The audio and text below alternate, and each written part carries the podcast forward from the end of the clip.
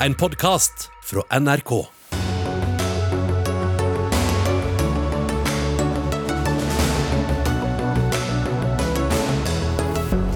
Allierte land bør ha egne militære baser i Norge, foreslår Frp til protester fra Arbeiderpartiet.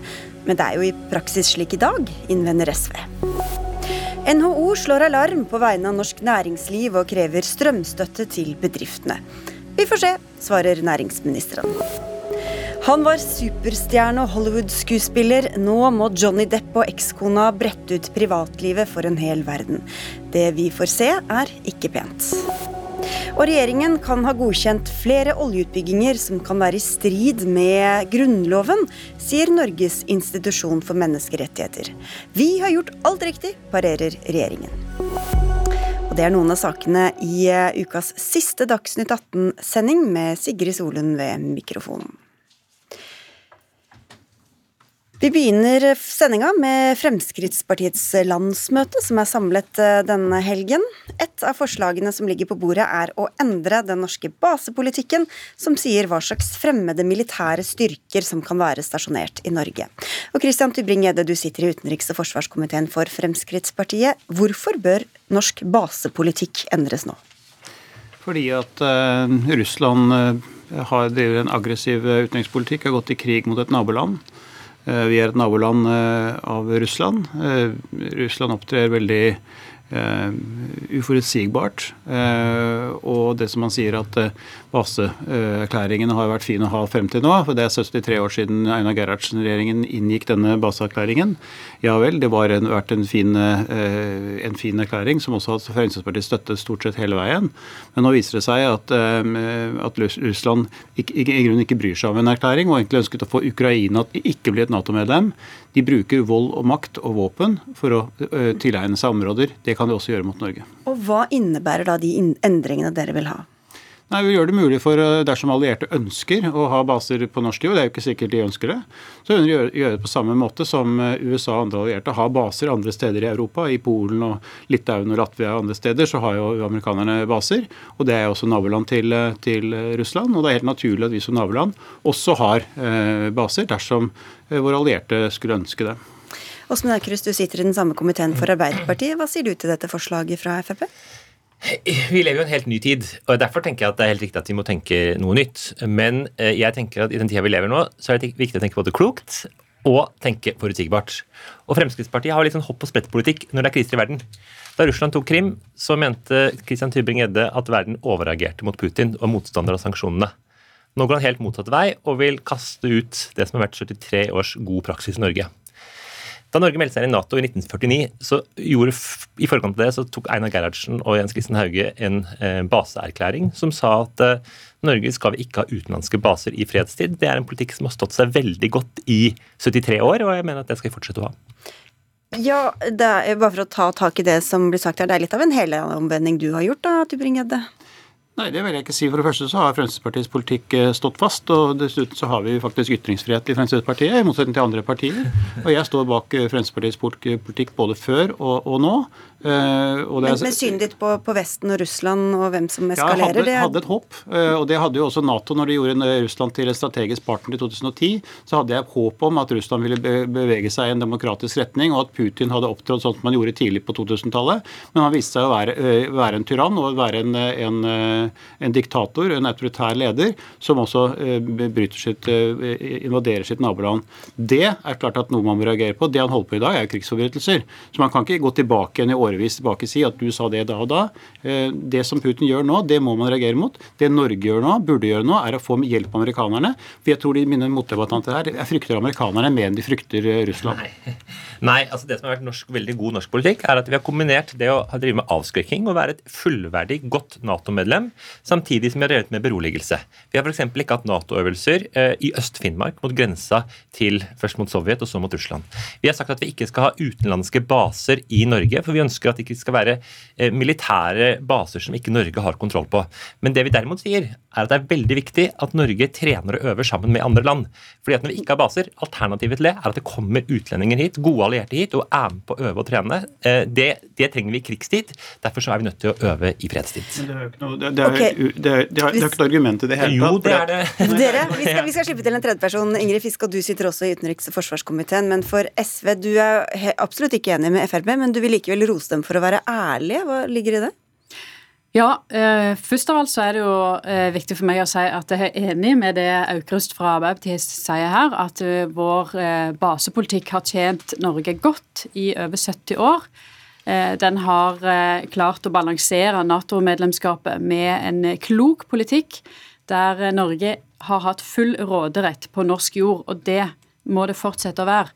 Og så skal jeg gi Frp ros for det at de, eh, de, er ærlige og sier at de vil endre dette. For det innrømmer ikke regjeringa og de andre partiene.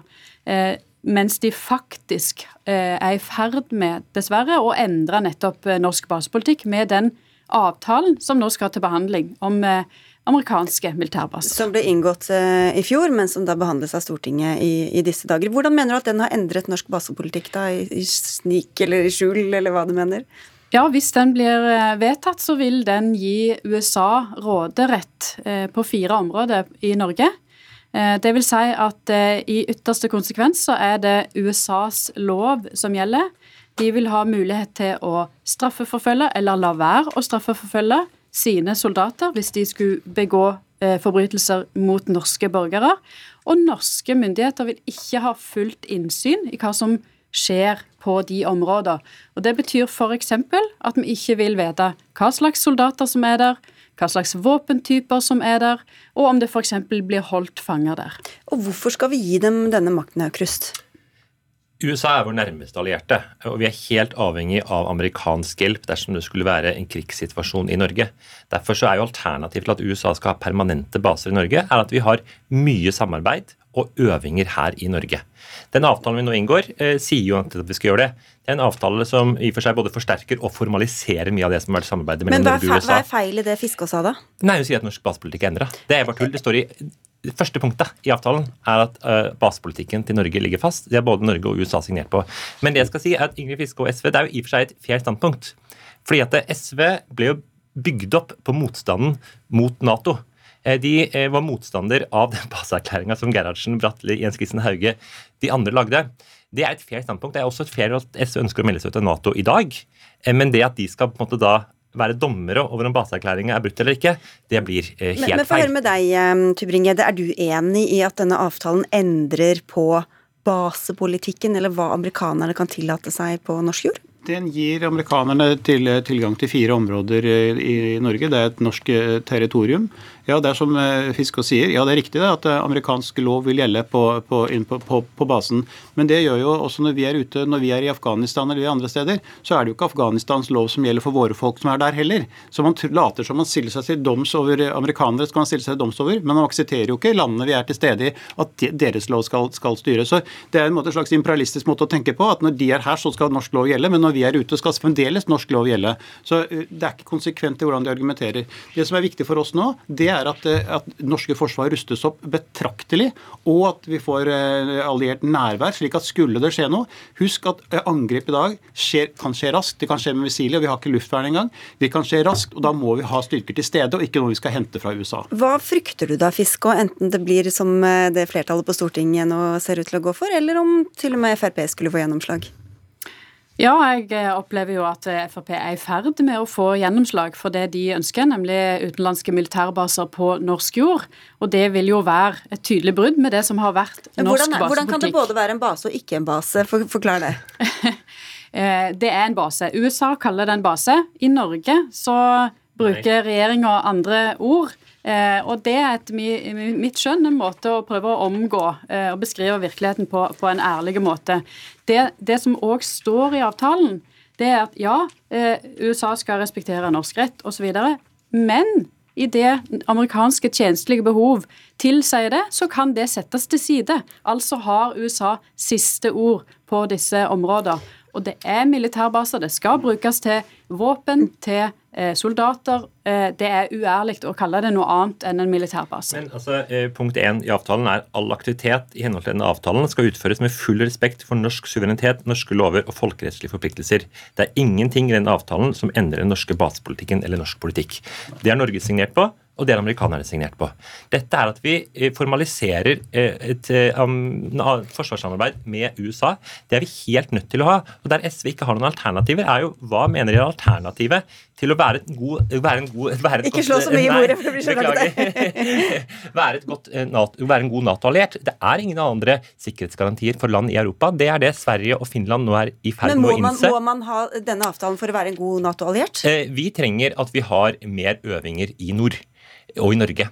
Eh, nå har vi akkurat avslutta eh, en stor norsk militærøvelse. 30 000 soldater eh, fra over 30 land.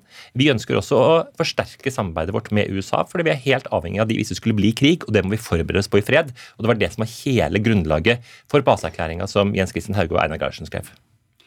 SV motsetter seg på ingen måte at vi skal ha eh, allierte øvelser, militærøvelser i Norge.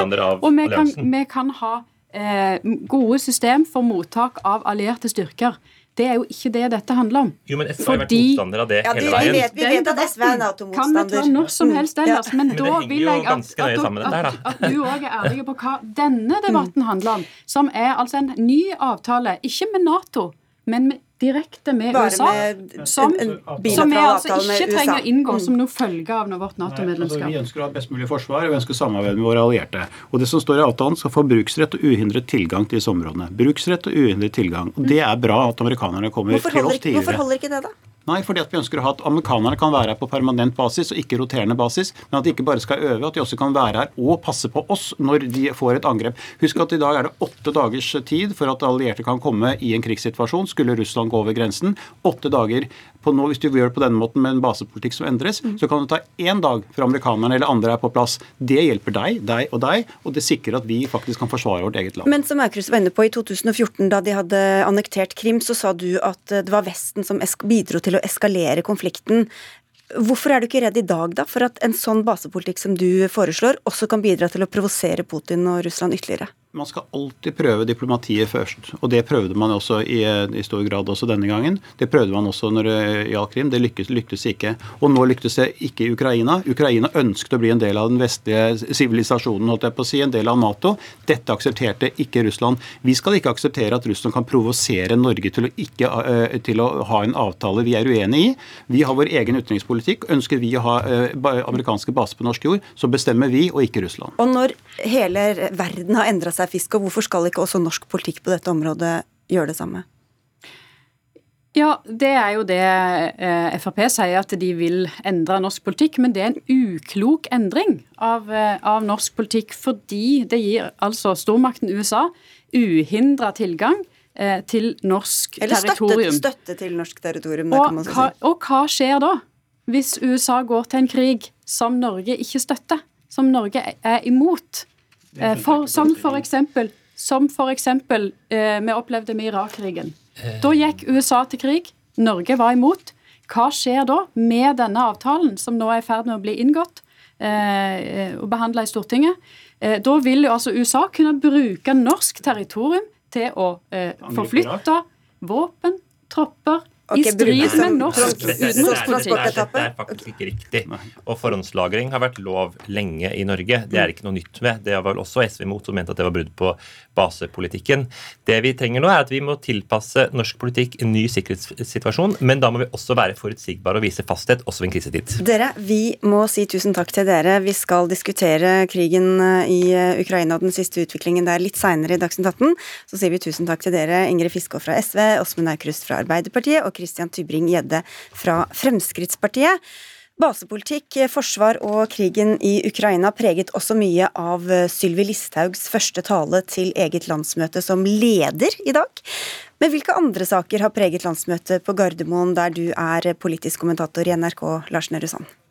Mye av Listhaugs eh, tale og også de etterfølgende innleggene i den generelle politiske debatten har handlet om angrep på regjeringen eh, generelt og Senterpartiet spesielt i spørsmålet om avgiftspolitikk når det gjelder både energi og, eh, og drivstoff og, og, matvarepriser og andre ting som nå man opplever at blir, blir dyrere.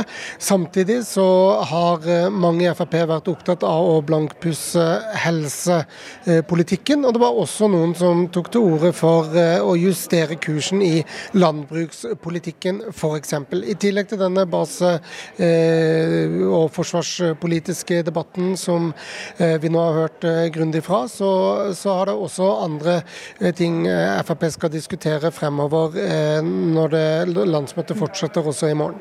Therese Solin, kommentator i Aftenposten. Du er faktisk mer opptatt av hva Sylvi Listhaug ikke sa, enn hva hun faktisk sa? Ja, det var fascinerende. Uh, hun nevnte ikke eldreomsorg en eneste gang, ei heller sykehjem. Og det er et tema som hun er glødende opptatt av selv. Frp blir så spiselig at det knapt smaker noe som helst, skrev du i Aftenposten i dag. Hvilke saker virker det som om partiet vil profilere seg på? Det er det, De skal bredde seg ut, da. Ta tilbake byvelgerne, eller vinne byvelgere. Og det krever jo f.eks. at de eh, retter seg mot andre områder enn de kjernesakene man tradisjonelt forbinder med Fremskrittspartiet. F.eks. er det et utspill som ble diskutert. Kanskje de skulle være opptatt av arkitektur. Byggetekniske forskrifter som gjør at man ikke kan bygge sånne flotte bygårder som før. Det ble rett nok ikke tatt med på landsmøtet, men det er et eksempel på saker som kan komme til å bli Frp-saker plutselig. Lars, eh, hvem virker det egentlig som de frir til nå? Ja, Det er litt uh, i spill, tror jeg, hva slags profil Fremskrittspartiet ser for seg å ha inn i de to neste valgene. og Sånn sett så har Sylvi Listhaug fortsatt god tid, i hvert fall i, i et eh, lite år til. Uh, rett og slett fordi uh, situasjonen er som den er. Frp har gått ut av regjering, må finne seg selv litt på nytt. og Det er et langsiktig prosjekt med en ny partileder som Frp faktisk kan ta seg litt tid til nå. og Derfor så, så er det ganske spennende å følge med på hva slags konturer vi etter hvert vil se av hva Sylvi Listhaugs Frp faktisk skal være. Jeg tror det er ekstremt viktig for Frp å beholde denne motpolfunksjonen sin i det politiske landskapet. Det ser vi ikke så tydelig i innvandringspolitikken, men vi ser det ekstremt tydelig i klimapolitikken f.eks. Eh, det er snakket nesten ingenting om folk flest, men det snakkes mye om frihet på dette eh, landsmøtet. Helsedebatten handler mye om å være en eh, kontrast til den rød-grønne regjeringens syn på private alternativer i helse- og omsorgstjenesten f.eks. Mm. Så den funksjonen vil Frp ha, men de må ha det på en annen måte etter å ha sittet eh, åtte år ved eh, makten og kunne endre på mange ting. Når delegatene her snakker om Fornebubanen og dramatiske økte bompengesatser i Stor-Oslo-regionen, så tror jeg mange velgere lytter annerledes til det nå, når de vet at Fremskrittspartiene hadde, hadde samferdselsministeren i årevis. Therese Solin, eh, hun, eh, Sylvi Listhaug angrep jo, som det ble nevnt her, eh, Senterpartilederen mange ganger talens, i talen sin i dag. Betyr det at det er Senterpartivelgerne, eller de misfornøyde Senterpartivelgerne som har flyktet fra partiet, som er målet? Jeg tror ikke det. De misfornøyde velgerne de er misfornøyde også etter et valg. Og de kommer jo sprettende tilbake til Fremskrittspartiet, ser man jo på meningsmålingene nå, helt av seg selv.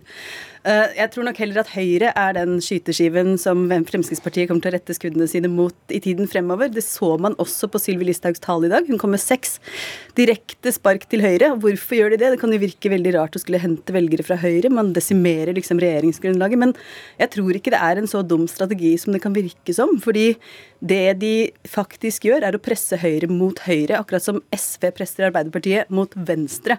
Det er ikke noe mål for Fremskrittspartiet å sitte i regjering for enhver pris f.eks. å sitte i regjering med Venstre, hvor må Venstre få synlighet?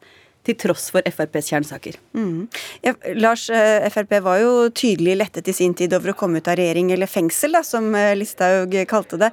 Hvordan kan hun si det, samtidig som hun også presiserer at hun faktisk vil søke makt? Men Det er jo den balansegangen der som jeg tror ville prege de to neste valgkampene for Fremskrittspartiets del. Samtidig som denne velgerutvekslingen med Høyre er eh, viktig for, for, partiet, så er det jo også ekstremt viktig for Høyre at eh, Frp, eh, er av et, en viss størrelse. Det er ikke godt nok for Høyre at Høyre gjør gode valg. De er også avhengig av et Fremskrittsparti som blir sett på som et reelt alternativ fra mange velgeres side, og et Frp som er større i oppslutning enn de var nå. De ligger jo fortsatt under det valgresultatet Siv Jensen tok de inn i regjering med. F.eks. selv om Senterpartiet er mer enn halvert på, på litt over et år. Og Therese Solien, eh, Frp har jo også ønsket ukrainske flyktninger hjertelig velkomne. De har kritisert regjeringen for å gi for lite til eh, landbruket. Noen peker på likhetspunkter mellom Frp og Rødt. Hvem, hvem er det de egentlig skal være i opposisjon til framover? Det, det, er ikke noe å lure på. Til enhver tid er det Arbeiderpartiet som er Fremskrittspartiets store fiende, eller nemesis, eller kall det hva du vil.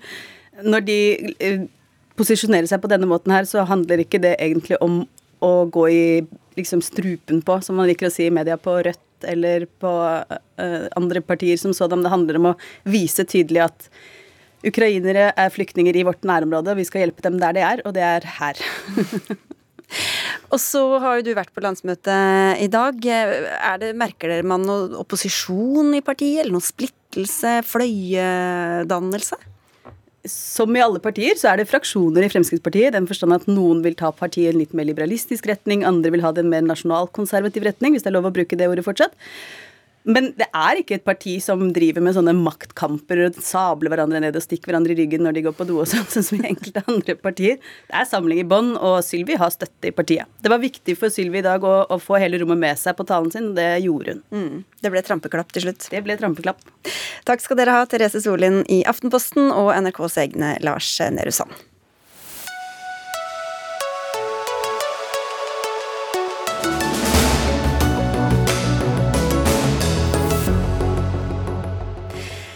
Under to uker kommer regjeringa med det reviderte nasjonalbudsjettet for i år. I det budsjettet bør det ligge støtte til bedrifter som sliter med å betale strømregningene, slik privatpersoner har fått støtte til å betale sine. Det krever NHO, hvor du er viseadministrerende direktør, Anniken Hauglie. Du slår alarm, som det heter, i Dagens Næringsliv. Hvorfor er tiden inne nå til å støtte bedriftene med strømregningene? Ja, nå, nå, er det ikke I utgangspunktet så mener vi at uh, bedrifter skal klare seg for egen regning og risiko, men nå er situasjonen er helt ekstraordinær. og Det har vært uh, lenge. Så det vi uh, ber om, det er at det kommer en strømstøtte nå til bedriftene i forbindelse med revidert nasjonalbudsjett, og særlig i de områdene hvor det er spesielt høye priser. Det andre er at regjeringen nå kommer med en ordning hvor det er mulig å prissikre seg, altså at man kan få prisgarantier penger. Eh, det vet vi at regjeringen jobber med. Vi håper at det også kan komme i revidert, slik at bedriftene får eh, nytte av det også i inneværende år. Men det tredje, som også er veldig viktig, det er at vi nå får opp tempoet når det gjelder å produsere mer kraft. fordi det er det som er den store hovedutfordringen fremover. Snart går vi fra kraftoverskudd til kraftunderskudd. og Det betyr at eh, regjeringen nå må få opp tempoet når det gjelder å, å, få opp eh, kraftproduksjonen. Det er jo ikke gjort innen sommeren akkurat, da, men hvem mener dere skal falle innunder disse ordningene da? Ja, altså det vi sier er at uh, Særlig kanskje små og mellomstore bedrifter vil være viktig at kan bli omfattet av en strømstøtteordning i de dyre områdene. Vi ser jo nå eksempler på bedrifter som får 20-gangen på strømregningen. Og så er det jo sånn for mange bedrifter at i motsetning til uh, mange av oss privatpersoner, så har ikke de muligheten til å kutte på strømforbruket. Produksjonen går uh, året rundt, også når det er sommer. Og vi ser nå i vår medlemsundersøkelse at mens én av, eh, at én av fem bedrifter før krigen i Ukraina Eh, hadde utfordringer, så ser vi at det er nå tre av fem. Så det er en stor økning i våre eh, bedrifter som melder om nedgang i, i driftsresultatet, mm. og at du må ned med aktiviteten pga. veldig høye kostnader. Og Dette kommer på toppen av et høyt kostnadsnivå generelt sett pga. andre innsatsfaktorer. Men det er strømmen som vi sier at små og mellomstore bedrifter i de dyre områdene bør få en håndsrekning, og de bør få det nå i revidert. Arbeiderpartiet har jo arbeid til alle som jobb nummer én. Kristian Vestre, du er næringsminister. Hvordan kan dere da bare sitte og se på hvis de begynner å permittere eller si opp folk? Ja, Det er jo det som er det store paradokset nå. At eh, mange bedrifter opplever høy strømpris. og Det forstår jeg er både frustrerende og vanskelig. og For enkelte bedrifter kan det også dessverre bidra til kroka på døra. Samtidig går det veldig godt i norsk økonomi. Vi har eh, den laveste arbeidsledigheten på ti år. Vi har høyere sysselsetting enn på 15 år. Vi har 30% færre konkurser i år enn i 2019, altså året før vi gikk inn i pandemien. Og vi er nå alvorlig bekymret for at det blir for stort press i norsk økonomi. Det som er utfordringen med en strømstøtteordning, som potensielt etter modell fra husholdningene som NHO ønsker seg vil koste flere milliarder kroner i måneden, er at vi nå pøser inn mer penger i norsk økonomi. Nå har sentralbanken varslet at det vil kunne komme renteoppganger hvert kvartal framover, og vi vil ikke bidra til at de renteoppgangene skjer hyppigere, eller at de blir kraftigere. Det vil gå utover husholdninger, det vil gå utover bedriftene, og det vil ikke gå minst utover eh, eksportindustrien. Og Det er i dette bildet regjeringen må følge denne situasjonen. Vi er selvfølgelig rede til motkonjunkturtiltak og støtte opp for næringslivet dersom det trengs. Det gjorde vi under pandemien. Senest i vinter brukte vi over 20 milliarder på kriseordninger. Så vi er beredt til å handle. Men sånn som økonomien er akkurat nå, så er vi litt tilbakeholdne, rett og slett fordi vi er redd for hvilke konsekvenser det kan medføre. Hvorfor frykter ikke du det, Anniken Hauglie? Jo, vi er enige i regjeringen at man skal føre en ansvarlig politikk. Det siste man trenger nå, er jo, er jo en politikk som, som, eh, setter økonomien på spill eller øker eh, rentene. Men samtidig så ser vi nå at vi er i en spesielt ekstraordinær situasjon. Den var alvorlig før krigen i Ukraina, og den er svært alvorlig og enda mer alvorlig nå etterpå. Og 20-gangeren på strømregningen i tillegg til en del andre innsatsfaktorer gjør at eh, mange bedrifter nå frykter at de kanskje må ta ned aktiviteten. Men frykter at kanskje må ta ned aktiviteten hvis det faktisk går godt for de fleste, hvorfor skal da skattebetalerne subsidiere bedriftene? Det er Mange bedrifter eh, går bra, men her snakker vi om særlig de bedriftene som, eh, hvor strøm er en viktig innsatsfaktor. Eh, og hvor de ikke har muligheten heller til å redusere forbruket, rett og slett fordi at altså, det er som driver produksjonen, og den går det ikke an å endre på gjennom året. Vi har mange eksempler nå på små og mellomstore bedrifter som har store utfordringer, og som ikke har muligheten til å sende regningen videre til kunden. Og vi frykter jo at mange av disse bedriftene kanskje må permittere og ta ned aktiviteten. Så vi ber om en midlertidig ordning nå. Mm. Til de bedriftene som er i de spesielt dyre prisområdene. 20-gangeren på strømregningen er veldig alvorlig for veldig mange. Men det, men det okay, men du, bare, bare ta vi til det til Vestre. Altså at, at noen det hjelper jo ikke de som sliter, at eh, det stort sett går godt. Nei, det er jeg helt enig i, og det er derfor jeg også sa at eh, for noen kan dette få alvorlige konsekvenser.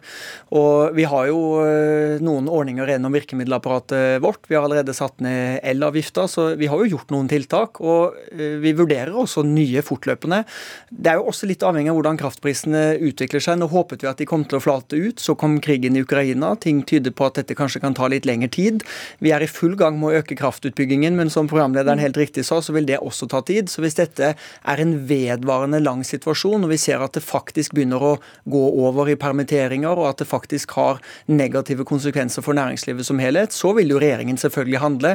Men akkurat nå så ser vi ikke behovet for det. Og så er det bare ett poeng til jeg vil legge til, og det er at vi må også hele tiden passe på denne balansegangen mellom det som er bedriftenes ansvar. Jeg er veldig glad Anniken Hauglie poengterer at bedrifter skal drive for egen regning og risiko, for det er et veldig viktig prinsipp. Og det som er skattebetalernes ansvar. Og Det kan ikke være sånn at det er skattebetalerne som er forsikringspolisen for at priser går opp og ned, fordi strømprisene de endrer seg, kraftprisene endrer seg, det er bensin og diesel, og det er mange rammevilkår som endrer seg, og det er litt av det å drive butikk. Vi skal først gripe inn dersom det er helt spesielle eh, situasjoner som tilsier det, og da må det i hvert fall være sånn at det er utfordringer i norsk økonomi. Nå er utfordringen i norsk økonomi mangel på arbeidskraft, ikke at det går dårlig. Ja, ikke sant? Hvorfor er dette så veldig veldig spesielt, Anniken Hauglen, hvis råvareprisene går opp eller andre faktorer gjør det mye dyrere å drive for en stund?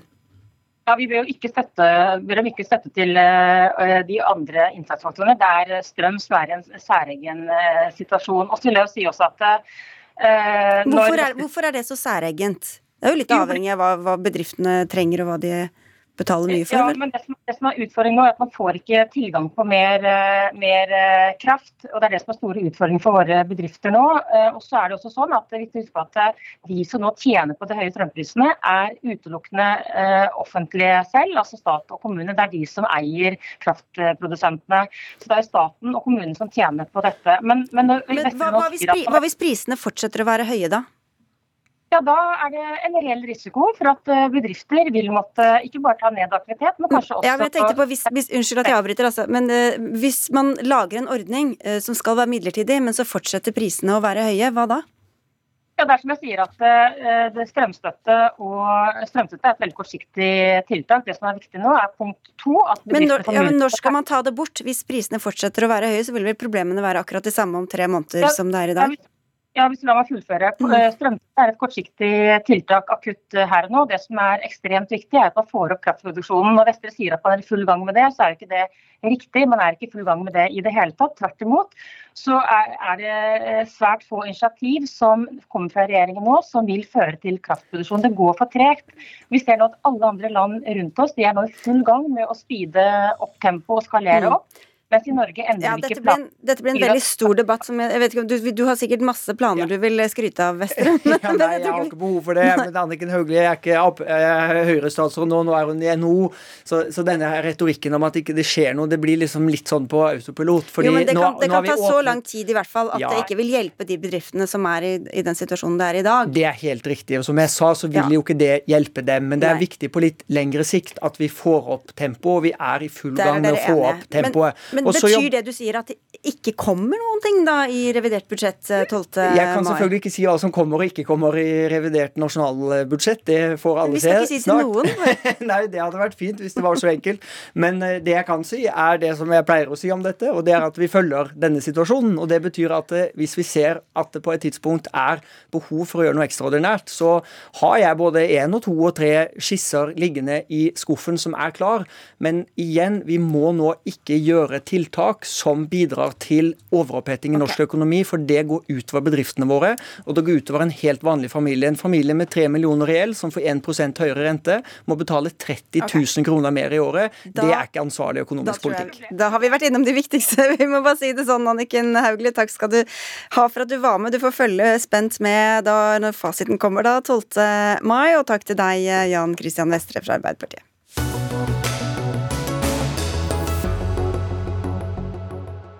Mange er de, også her til lands, som følger ivrig med på den offentlige skittentøyvasken mellom det tidligere stjerneparet Johnny Depp og Amber Heard.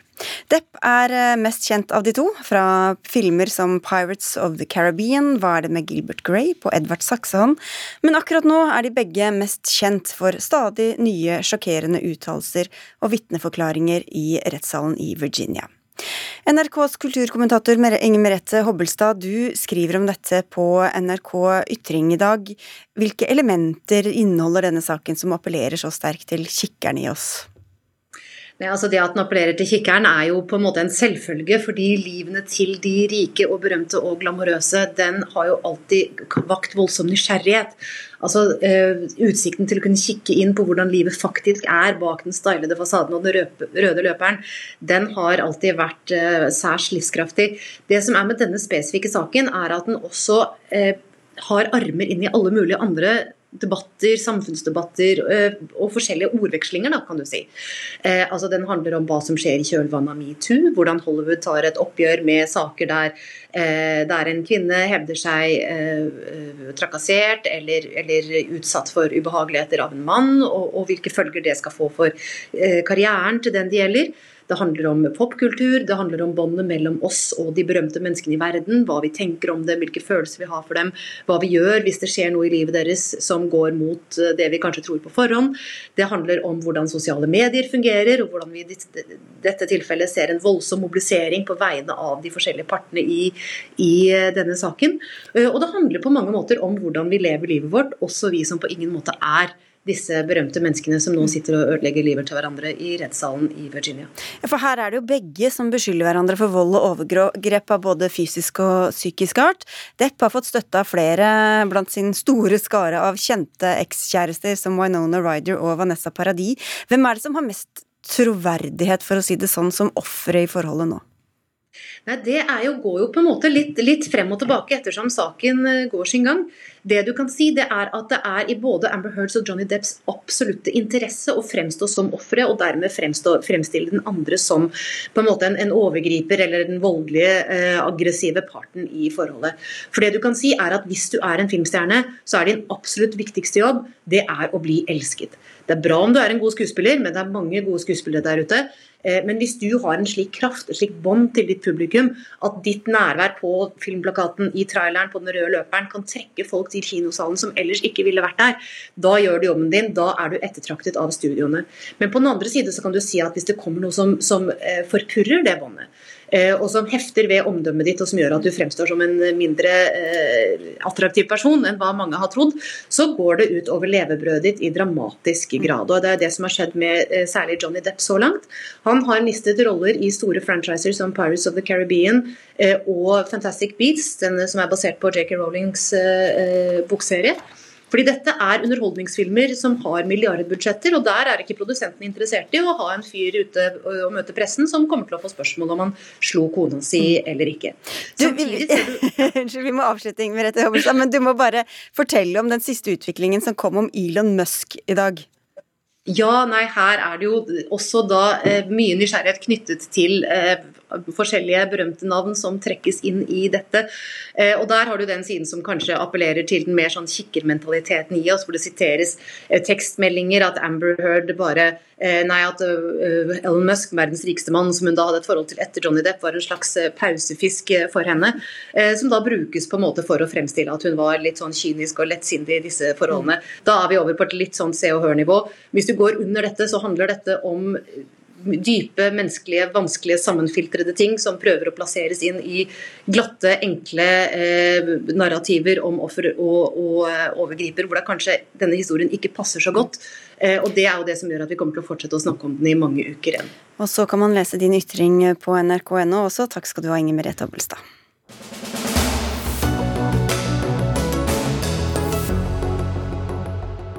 Krigen eh, mellom eh, Russland og Ukraina ser ut til å bli utvidet, både med tanke på landområder, mennesker som blir rammet, og vestlig involvering.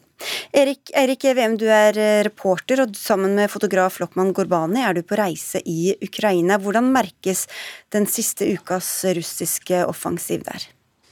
De meldingene som kommer fra de østlige frontlinjene, er jo at det har vært harde kamper rundt flere byer der hvor eh, russiske bakkestyrker da har presset på, og at ukrainske styrker har greid i for seg å stå imot og slå også angrepene tilbake.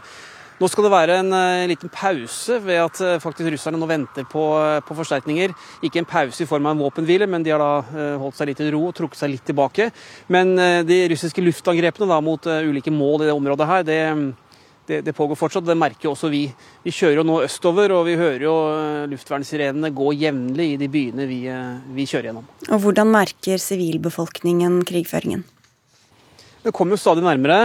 og eh, Vi ser jo flyktninger som kommer østfra. Vi møter dem jo i byene og i og for over hele Ukraina, men det er klart jo nærmere øst man kommer, jo mer intenst blir det. Så merker man jo disse luftvernsirenene som, som går jevnlig, og det, det, gjør jo noe med folk. Vi var jo i Kyiv i går kveld og i natt, og når vi kom dit, så hadde det jo bare noen timer før vært et, et, et luftangrep, og vi kjente jo lukten av, av, av den røyken som kommer fra rakettene som slår ned. Så ja, den er nærme. Vi har snakka mye om eh, kampmoral, egentlig både hos russerne og ukrainerne. Hvordan står det til med den ukrainske kampmoralen nå etter mange uker med krig? Mitt inntrykk er at den, er, den står veldig sterkt. Og eh, når du går rundt i byene her, nå har vi jo reist eh, rundt i store deler av landet, så ser man jo folk går rundt i uniform, de blir hils på, det er flagg overalt. Man, man bærer denne, denne uniformen med stolthet det er litt sånn, litt sånn, ære i det. Og folket står, eh, står, sammen, sier de ukrainerne vi snakker med. Noen drar til fronten, mens andre har jobber med å pakke sandsekker, eh, lage mat, sørge for at eh, samfunnet fungerer. Så ukrainerne de har jo samlet seg, og de har verden i ryggen. Og de står samla mot denne, denne ondskapsfulle, slik de beskriver det, ondskapsfulle angriperen som kommer for å ta og ødelegge landet deres. Takk skal dere ha, Eirik Veum og Lokman Gurbani. Julie Wilhelmsen, du er seniorforsker ved NUPI, og du er tydelig på at denne krigen viser nå klare tegn til å øke i omfang. Hva er det som tyder på det? Nei, jeg eh, sier det eh, fordi den siste uken så har vi sett et slags skifte i eh, russisk retorikk. Eh, offisiell retorikk. Eh, fra at dette eh, dreier seg om en kamp for å vinne Øst- og Sør-Ukraina, Donbas, til å omtale dette som en kamp mot Nato og Vesten i større grad, hvor da Ukraina på en måte blir mer en, en, slagmark for denne kampen. Og det hører vi uh, uttalelser fra den russiske ledelsen, bl.a. Uh, Lavrov, som sier at det, det, som skjer i Ukraina nå, det er i ferd med å bli en slags stedfortrederkrig. Eh, og det er måten de, jeg tror, at de fortolker det som har skjedd eh, den siste uken også fra vestlig side. Vi har bl.a. hatt eh, Lloyd Austin, den eh, amerikanske eh, forsvarsministeren i Kiev, som har sagt helt klart at man ønsker å svekke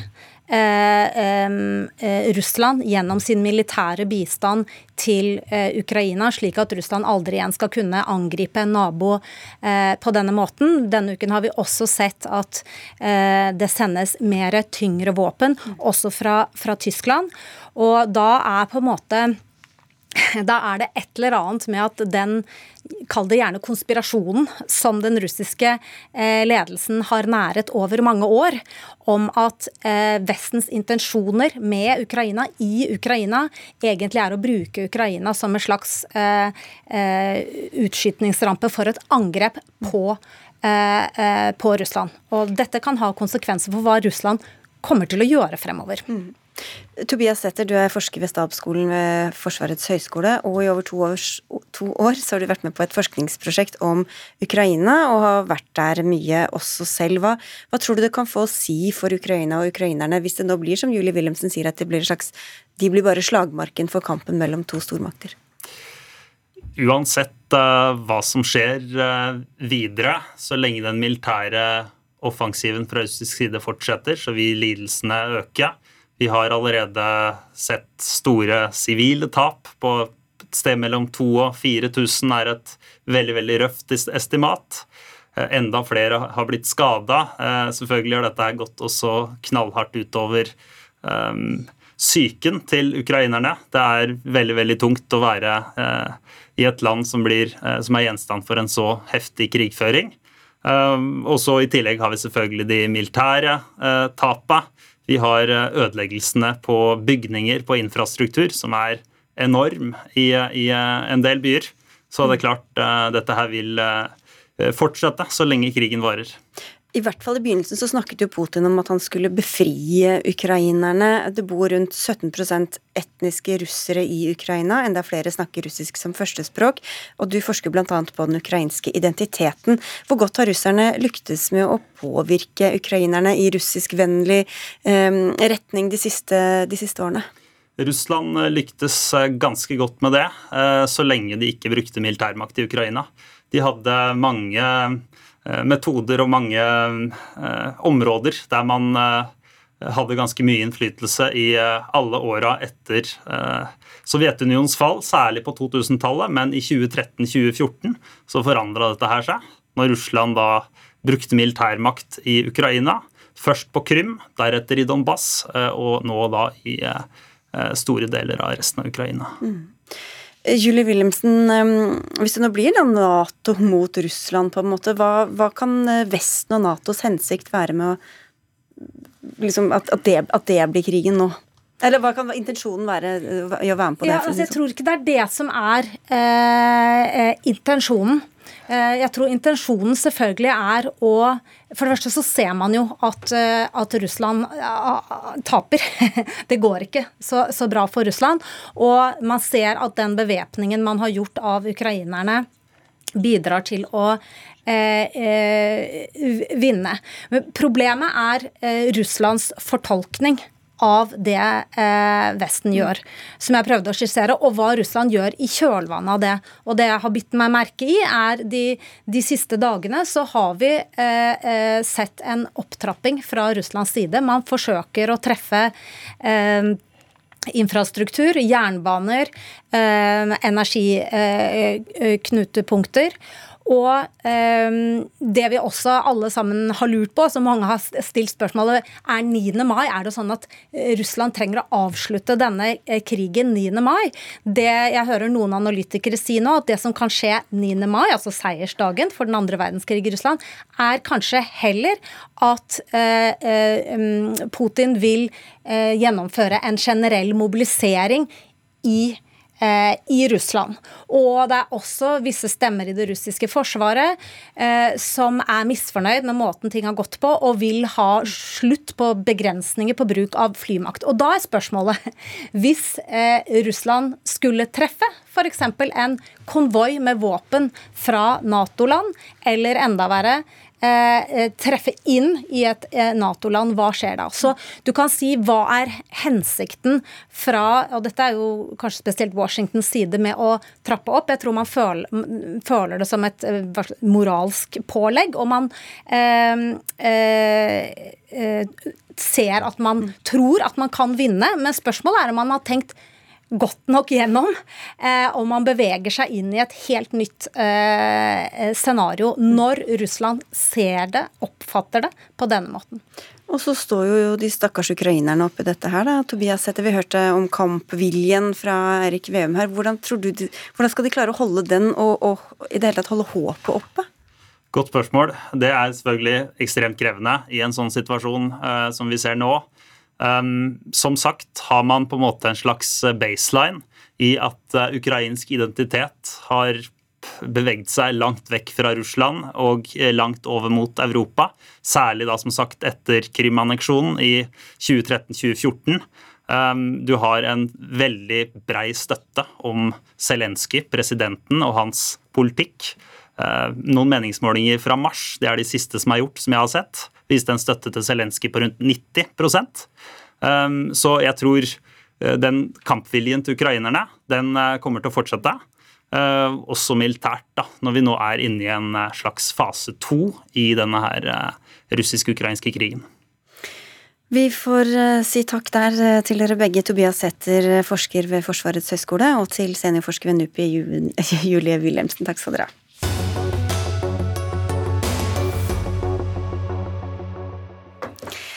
Tillatelser som ble gitt eh, til å bygge ut nye oljefelt etter 2020 er i strid med Grunnloven og menneskerettighetene. Det sier Stortingets kontrollorgan, Norges institusjon for menneskerettigheter, NIM. Skal vi følge loven, kan det heller ikke godkjennes flere nye oljefelt, og de som allerede er godkjent, må regjeringa behandle på nytt. Det sier du både til Aftenposten og VG, Jenny Sandvik. Du er fagdirektør ved da Norges institusjon for menneskerettigheter. Hva, I hva ligger det grunnlovsstridige her? Nei, Det grunnlovsstridige i dette spørsmålet ifølge Norges institusjon for menneskerettigheter, det ligger i at eh, Olje- og energidepartementet har godkjent utbyggingsplaner til olje- og gassvirksomhet uten å få konsekvensutredet virkningene av forbrenningsutslipp fra norsk olje og gass eh, før disse eh, vedtakene er fattet. Og den plikten til å konsekvensutrede også de eksporterte forbrenningsutslippene, som utgjør 95% av utslippene fra sokkelen, det følger av Grunnloven, paragraf 112, som eh, gir en plikt til å utrede virkninger av miljøinngrep, og som gir borgerne rett på informasjon om de virkningene, slik at man kan ivareta retten til miljøet. Og Det ble også avklart av Høyesterett i plenum i desember 2020, hvor det ble forutsatt at disse forbrenningsutslippene, klimavirkningene av det, skulle, ville bli konsekvensutredet før det ble gitt godkjenning til utbygging. Så det Høyesterett sa i 2020, var at eh, departementet må regne da på hvor mange eh, tonn CO2 og andre klimagasser som kan komme når oljen selges og brukes da i andre land, som du sier utgjør nesten alt av, av, av klimagassutslipp. Men det de har sett på, er bare det som skjer innenlands? Ja. De har utelukkende utredet, eller krevet at selskapene utreder eh, klimavirkningen av produksjonsutslippene innenlands. Og de er, som man vet, eh, marginale sammenholdt med det klimaavtrykket som følger av eh, når oljen og gassen eh, forbrennes. Og den konsekvensutredningen det er viktig av to grunner. For det første så skal det beskytte miljøet. Og Det er viktig at de konsekvensene utredes på et så tidlig tidspunkt som mulig, slik at det kan danne grunnlag for en beslutning som er informert om de fulle virkningene, både eh, fra beslutningstagere, men også fra borgere. Og For det andre så er det viktig av demokratihensyn. Simpelthen at velgerne skal være fullt ut klar over hvilke kostnader det har for miljø og klima at en beslutning fattes. Ja, Så da skal velgerne etter deres eh, logikk kunne si hva syns vi er viktigst, å bygge ut dette oljefeltet, eller å se på hvor stor, eller, eller de store klimagassutslippene som kommer fra det. Men Amund Vik, statssekretær i Olje- og energidepartementet, hva er det dere egentlig har gjort annerledes etter at denne dommen falt? Det departementet eh, har gjort, og som også står omtalt i tilleggsmeldingen til energimeldingen som kom fredagen før påske, er at vi har begynt nå, og er for så vidt enig med NIM i at eh, en oppfølging av de premissene som kom i høyesterettsdommen, er at det må gjøres vurderinger av forbrenningsutslipp eh, knytta til olje- og gassvirksomheten når man skal gi PUD. Og Det har departementet begynt å gjøre. Plan for utbygging og drift. Når departementet skal godkjenne disse planene, så må det gjøres en vurdering av disse forbrenningsutslippene, og det har vi begynt å gjøre. Når da? I oppfølging av dommen. Når begynte dere med det?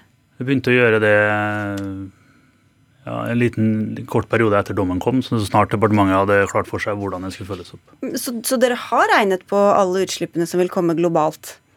Ja, I etterkant av dommen, ja, med unntak av Breidablikk, som ble omtalt i avisa, som kom under den forrige regjeringen, så har departementet etter dommen falt eh, gjort denne vurderingen. Den informasjonen som Olje- og energidepartementet har gitt til Den europeiske menneskerettighetsdomstol nå i det såkalte klimasøksmålet, er at de vurderingene vil bli foretatt da fra og med 1.4 i år. Eh, og så er det opplyst om for Stortinget at eh, den typen vurderinger først blir gjort ved godkjenninger i februar i år. Mm. Mens denne dommen fra Høyesterett den kom altså i 2020 desember. Og reglene som Høyesterett her tolker, de har vært uendret siden 2014. Det skjønte jeg ikke helt. Du sier at dere har gjort det siden 2020?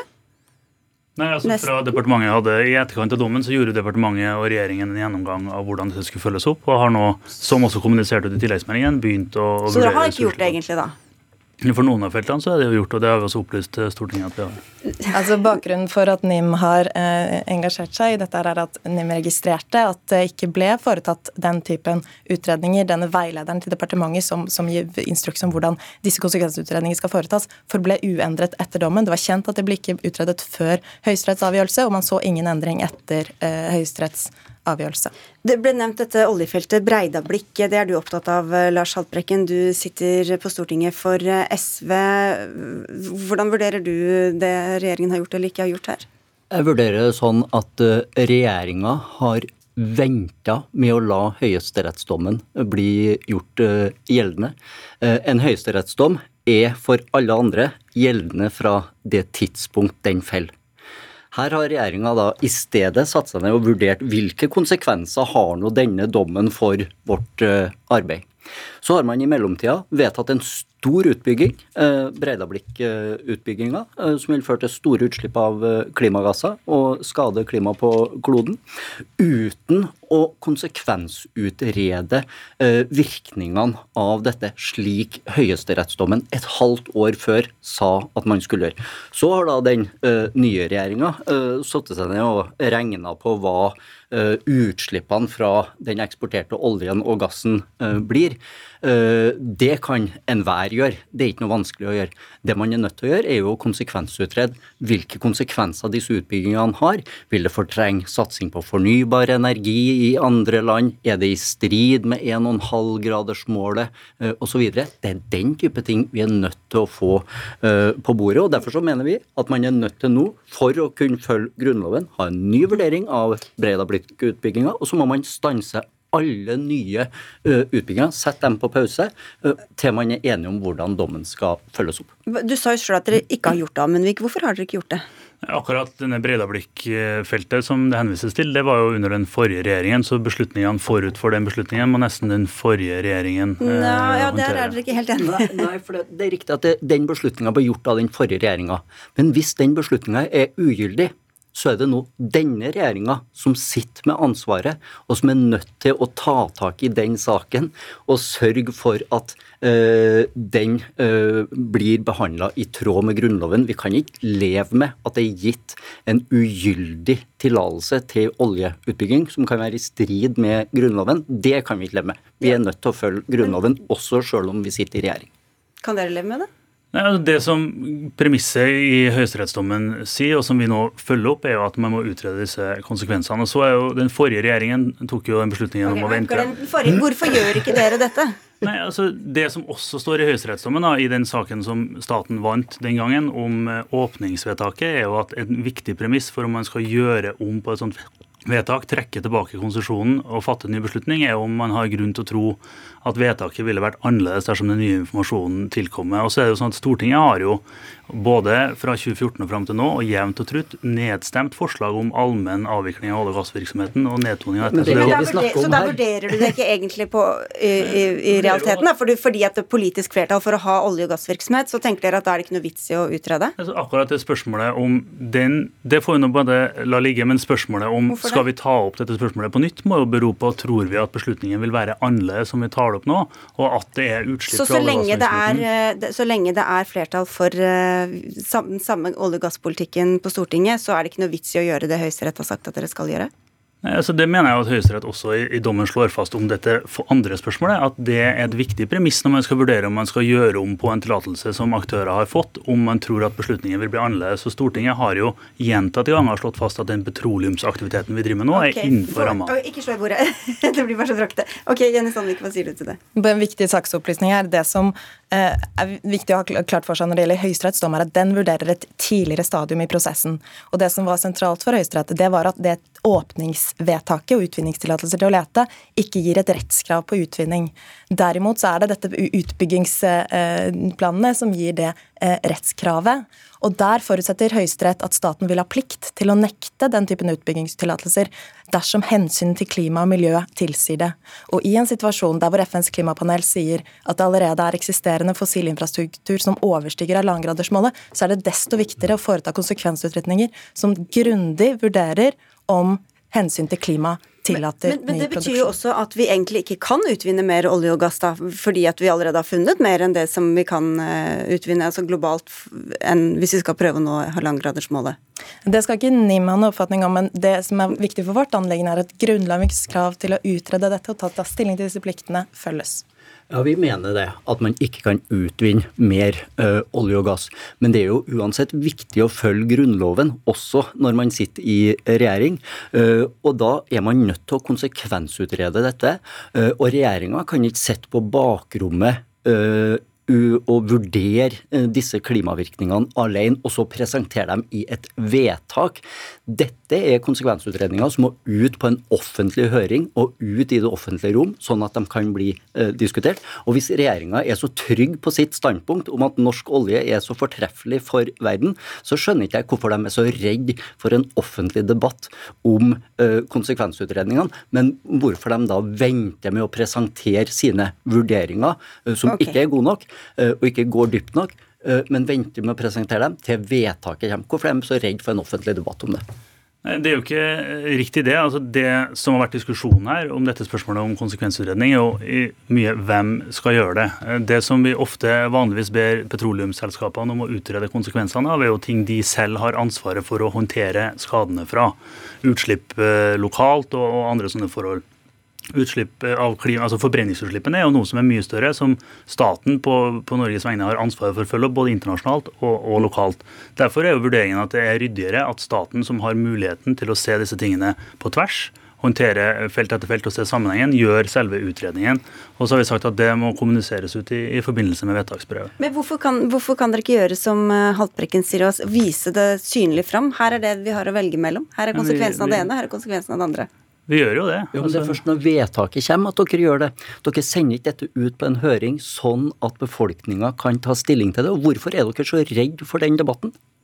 Nei, altså Vi er jo ikke redd for den debatten, men det er jo viktig å gjøre. altså det, Og det mener jo vi er helt i tråd med Høyesterett, premissene slik de framgår av Høyesterett. og det er jo At, man kan gjøre, at departementet må gjøre en samla vurdering av dette i forbindelse med vedtaket. og Det Men mener vi er helt i tråd fratar med dommen. befolkninga muligheten til å si sin mening om de konsekvensutredningene når dere ikke sender det ut på høring, men kun skal presentere Veldig dette i et vedtak. Ok. Eh, Og så er det også ganske oppsiktsvekkende det du sier, at beslutninga om Breidablikk ikke ville ha blitt uh, annerledes.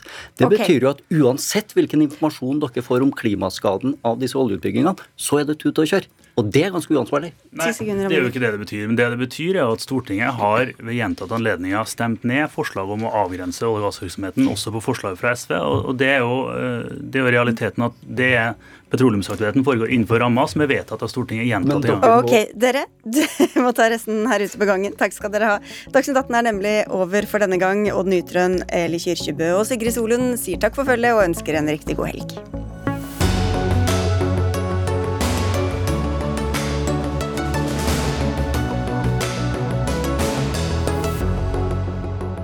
Du har hørt en podkast fra NRK. Hør flere podkaster og din favorittkanal i appen NRK Radio.